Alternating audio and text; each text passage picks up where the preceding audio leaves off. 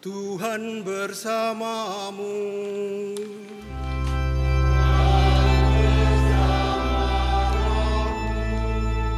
Inilah Injil suci menurut Matius.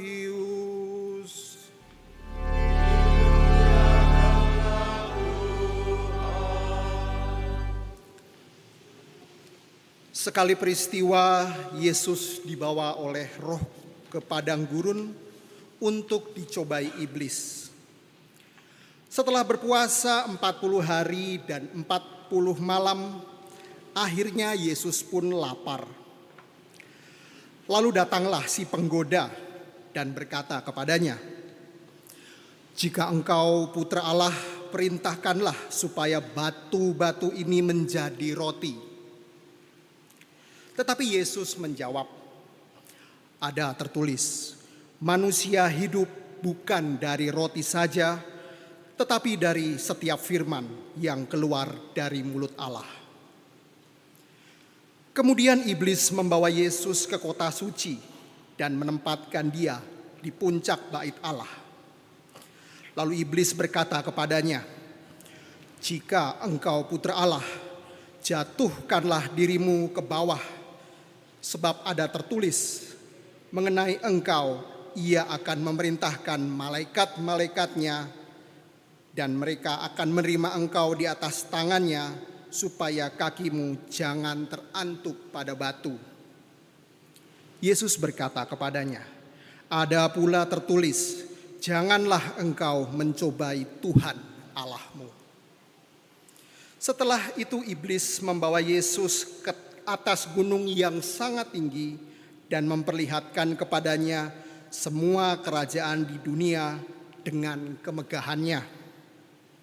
Iblis berkata kepadanya, semua itu akan kuberikan kepadamu jika engkau sujud menyembah aku.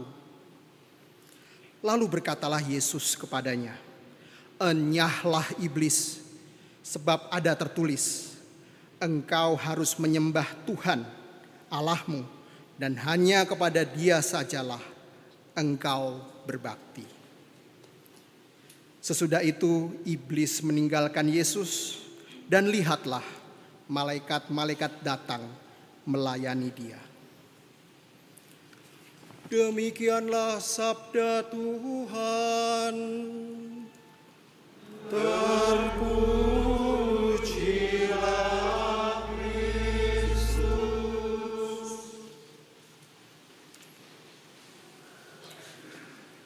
Romo Mahar, Bapak Ibu, saudara-saudari, rekan-rekan muda Selamat sore berkah dalam. Sebelum kita memulai renungan, perkenalkan saya Frater Andre. Saya adalah seorang frater dari Serikat Yesus. Saat ini saya tinggal di sebelah di Kolsani dan sehari-hari saya belajar teologi di Kentungan bersama dengan frater-frater yang lainnya. Romo, Bapak Ibu, Saudara-saudari, bagi saya bacaan-bacaan yang kita dengarkan hari ini adalah bacaan-bacaan yang sungguh kaya dan inspiratif untuk kita renungkan bersama dalam minggu pertama Prapaskah ini. Mari kita mulai dari bacaan pertama. Bacaan pertama dari kitab Kejadian yang menceritakan bagaimana manusia pertama yang merupakan ciptaan Allah jatuh ke dalam dosa. Tentu kita semua sudah hafal atau sudah familiar dengan kisah itu ya atau narasi itu. Manusia jatuh ke dalam dosa karena tidak bisa menolak godaan yang datang kepadanya. Poin menarik yang dapat kita renungkan dalam bacaan pertama adalah bagaimana ada percakapan yang terjadi antara manusia dengan ular si penggoda. Karena percakapan itulah manusia tergoda dan pada akhirnya jatuh ke dalam dosa. Bacaan pertama bisa kita bandingkan atau bisa kita kontraskan langsung dengan bacaan Injil. Bacaan Injil tentu kita sudah hafal juga menceritakan bagaimana dengan jelas Yesus juga dicobai. Sebagai manusia, Yesus pun tetap tidak lepas dari godaan. Ia juga melakukan percakapan dengan si penggoda. Entah waktu itu bentuknya seperti apa. Bahkan percakapannya lebih panjang sambil jalan-jalan. Tetapi kita tahu pada akhirnya Yesus toh tidak jatuh ke dalam dosa. Pertanyaannya, mengapa demikian? Karena dia Tuhan? Karena dia punya sesuatu? Bagi saya, saya melihat pribadi Yesus ini adalah pribadi manusia yang sepenuhnya sadar akan godaan. Kesadaran akan godaan itu membuat Yesus tahu betul apa yang ada di balik semua tawaran yang kelihatannya baik itu. Yesus bisa melihat buntut ularnya oleh karena itu dengan tegas ia menolak godaan itu.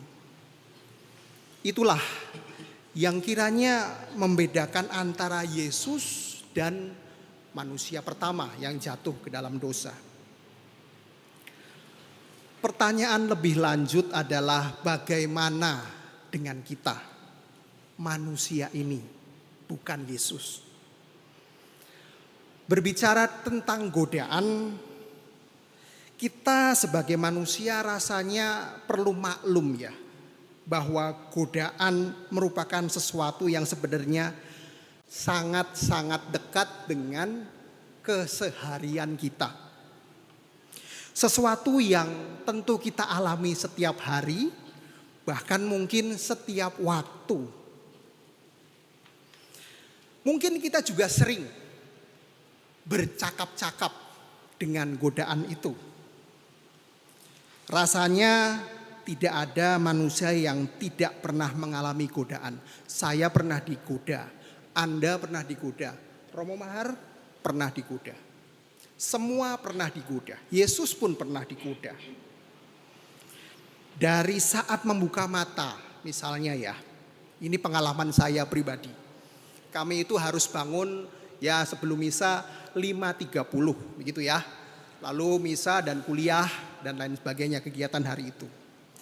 Setiap pagi ada alarm berbunyi. Ada dua pilihan.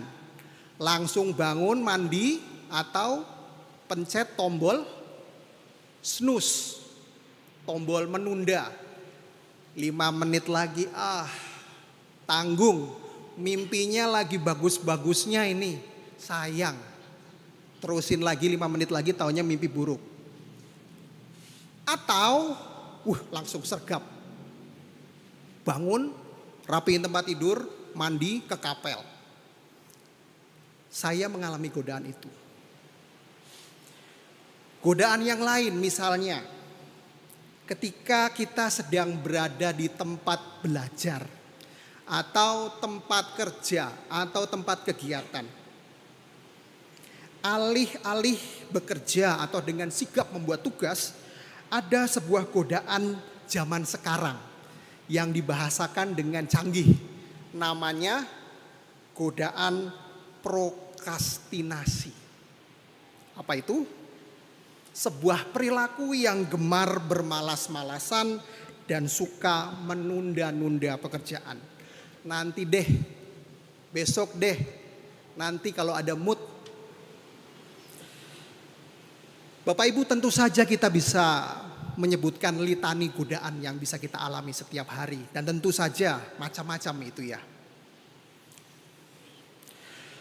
Nah tema yang ditawarkan oleh gereja pada hari ini adalah berani menolak godaan. Benar ya?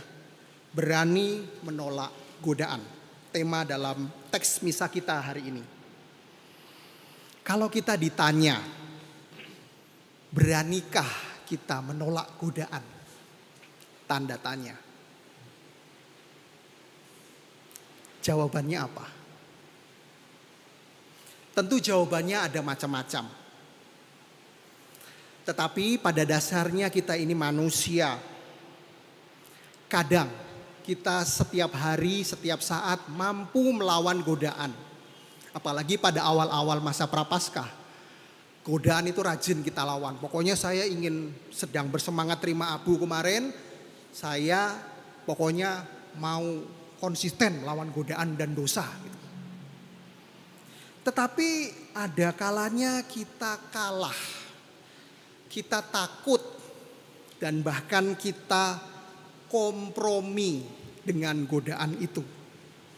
Dan akhirnya jatuh lagi ke dalam dosa. Mungkin bukan dosa yang baru, dosa yang sama. Maka kalau mengaku dosa itu kadang-kadang dosanya itu-itu saja. Bingung juga mengaku dosa apa lagi kok saya berdosa ini terus gitu. Untuk itulah Bapak Ibu, saudara-saudari sekalian, sekalian, saya merasa bahwa bacaan kedua, bacaan kedua itu memberi kita sebuah perspektif yang menguatkan. Sebuah pandangan bahwa di tengah kelemahan kita sebagai manusia karena dosa, Allah mau hadir di tengah-tengah kita. Ia hadir dalam diri Yesus yang sama seperti kita dalam bacaan Injil digoda. Manusia biasa yang mau juga mengalami godaan. Dalam diri Yesus itulah Allah mau solider dengan kita yang lemah ini. Ia tetap mau mencintai kita yang berdosa karena apa? Karena cintanya jauh lebih besar daripada dosa kita. Bapak Ibu, saudara-saudari, Romo, oleh karena itu bagi saya masa prapaskah adalah masa yang baik untuk kita latihan. Saya sendiri suka dengan kata latihan dan saya sengaja mendedikasikan setiap masa prapaskah sebagai masa latihan. Ada dua macam latihan, ada latihan yang mungkin saya tawarkan untuk kita renungkan pada kesempatan ini untuk oleh-oleh seminggu ke depan. Yang pertama, dalam masa prapaskah ini, marilah kita hendaknya berlatih untuk menyadari bahwa Allah sungguh mencintai manusia manusia yang berdosa. Allah sungguh sayang kepada kita meskipun kita adalah manusia yang lemah. Meskipun kita tetap jatuh ke dalam dosa dan dosanya dosa yang sama. Saya ingin mengutip Yesus. Ada tertulis, karena begitu besar kasih Allah kepada kita, manusia ini, maka ia mencintai kita dengan mengutus putranya Yesus Kristus yang ada bersama kita khususnya nanti dalam Ekaristi. Itu kesadaran yang pertama. Kesadaran untuk menyadari Yesus yang mencintai kita. Kesadaran kedua yang bisa kita latih, yang nomor dua adalah kesadaran bahwa aku tidak hidup sendirian dan aku dipanggil untuk meneruskan kasih Allah itu. Kesadaran yang kedua ini muncul dari kesadaran yang pertama bahwa aku sudah dicintai. Maka aku harus mencintai. Setelah menyadari kasih Allah, kita tidak boleh menyimpan kasih itu sendirian untuk kita sendiri. Pantang, puasa, doa, devosi, mati raga, kegiatan rohani kita yang kita lakukan dengan giat hendaknya tidak boleh menjadikan kita sebagai pribadi yang egois dan hanya mementingkan diri sendiri.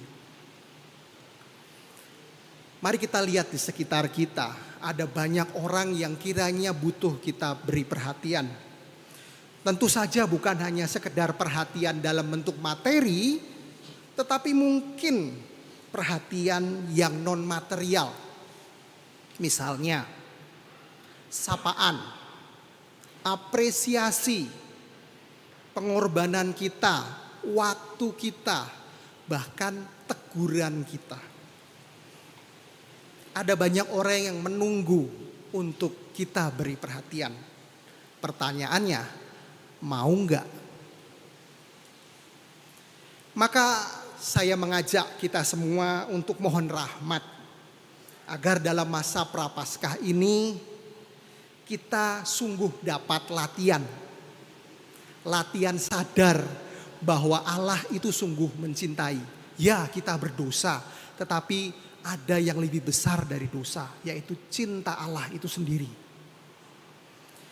Berlatih menyadari kasih Allah itu senjata utama kita untuk berani melawan dosa, untuk berani menolak godaan, dan senjata utama kita, modal utama kita untuk bisa solider.